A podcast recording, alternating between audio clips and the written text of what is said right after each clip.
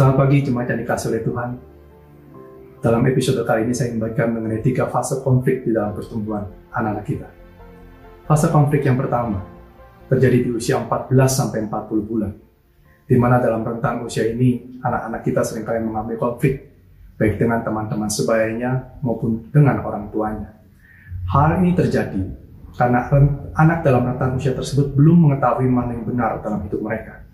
Mereka masih belajar dan mereka hidup berdasarkan apa yang mereka suka dalam hidup mereka. Boleh dibilang cara hidup anak di usia itu adalah apa yang dia lihat itu punya saya. Apa yang dia pegang itu punya saya. Apa yang dia lihat orang lain pegang dan dia suka itu pun punya saya. Sehingga mereka akan hidup berdasarkan apa yang mereka suka.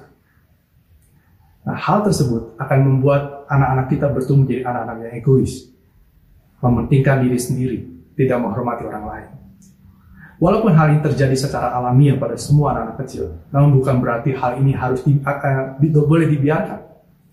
Tapi hal ini harus dididik oleh orang tuanya sehingga ketika anak melewati rentan usia tersebut, mereka tidak lagi bertumbuh menjadi anak yang egois, hanya mementingkan diri sendiri, tidak menghormati orang lain dan tidak mengasihi orang lain.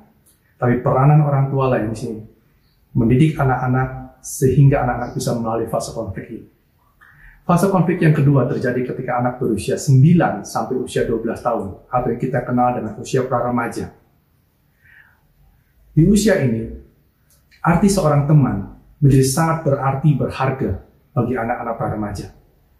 Bahkan, mungkin buat beberapa anak remaja, seorang teman lebih berarti dan lebih berharga daripada orang tuanya pergi bersama temannya, hang out bersama temannya, nonton bersama temannya, makan dan jalan-jalan bersama temannya, menjadi lebih berharga daripada waktu jalan-jalan bersama orang tuanya, makan bersama orang tuanya, atau bahkan nonton bersama orang tuanya.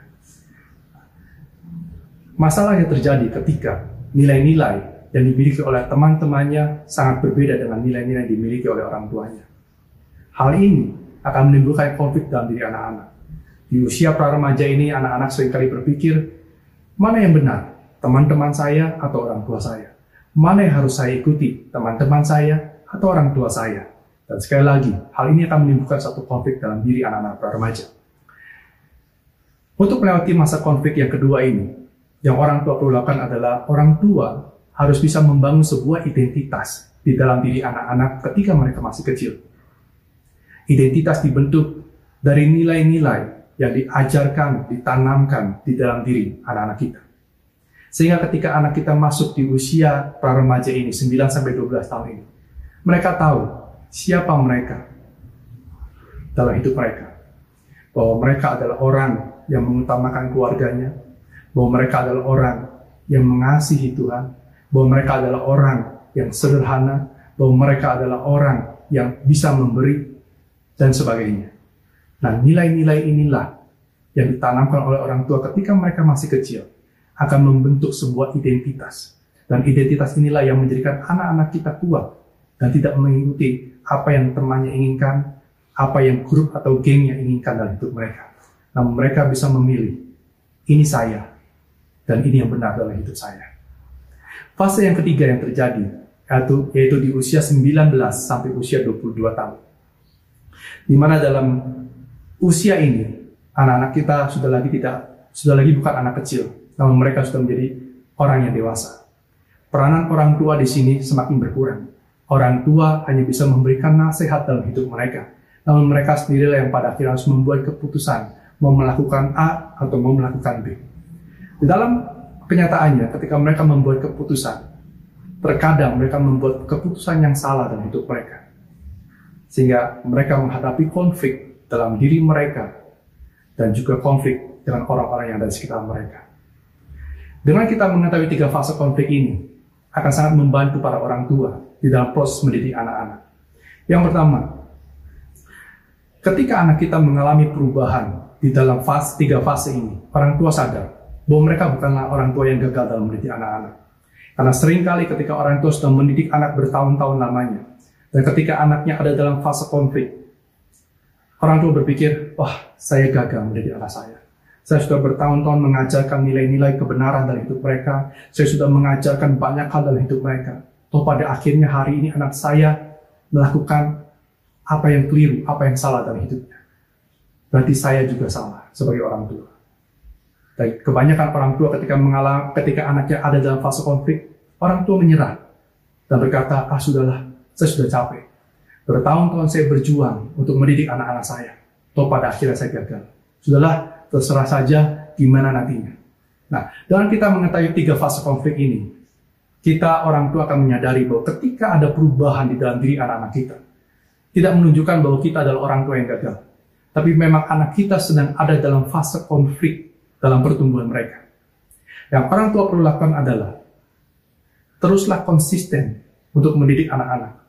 Teruslah konsisten menanamkan apa yang benar, bagaimana melakukan apa yang benar, bentuklah identitas mereka dalam kehidupan mereka. Karena ketika anak sudah melalui fase konflik ini di usia umur itu, maka anak-anak kembali akan melakukan, bisa melakukan apa yang benar dalam hidup mereka. Jadi jangan pernah menyerah sebagai orang tua. Kita bukanlah orang tua yang gagal, tapi anak-anak memang sedang ada dalam fase konflik. Dan yang kedua, dan kita mengerti fase konflik ini, kita tidak menjadi orang yang menghakimi orang lain. Ketika Bapak Ibu Saudara melihat ada anak bermasalah di luar sana, sering kali kita berpikir, wah ini anak tidak diajar. Wah ini orang tuanya tidak mendidik dengan baik. Bukan itu, saudara.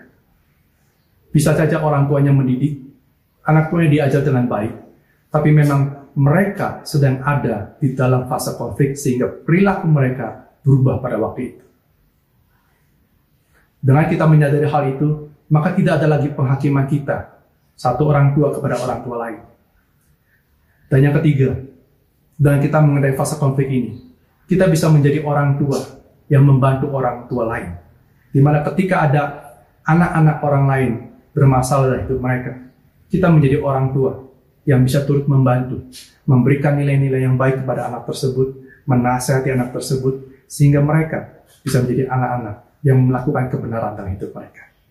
Terima kasih Bapak Ibu Saudara.